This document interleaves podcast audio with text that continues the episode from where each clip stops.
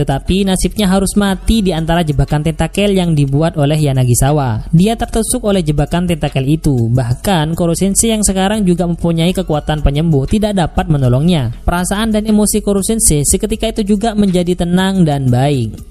Sebelum mati, Yukimura meminta Koru Sensei untuk menjadi wali kelas, menggantikannya mengajar siswa kelas 3E. Karena dia yakin dengan kecerdasan yang dimiliki oleh Koru Sensei, dia mampu mengajar anak-anak yang terbuang itu. Dengan perasaan yang mendalam, dia menangis melihat wanita yang sudah mengisi kekosongan hatinya itu. Kenangan terakhir dari Yukimura hanyalah sebuah dasi yang akan selalu dipakai oleh Koru Sensei. Dan semenjak itulah dia berjanji untuk berhenti menjadi seorang pembunuh. Dan akhirnya dia menjadi wali kelas di kelas 3E sekolah menengah kuno Gigauka. Dan akhirnya terungkap juga ancaman untuk menghancurkan bumi itu hanyalah sebuah kebohongan dari Kuro Sensei agar bisa menjadi wali kelas itu. Karena yang sebenarnya dia akan hancur dengan sendirinya.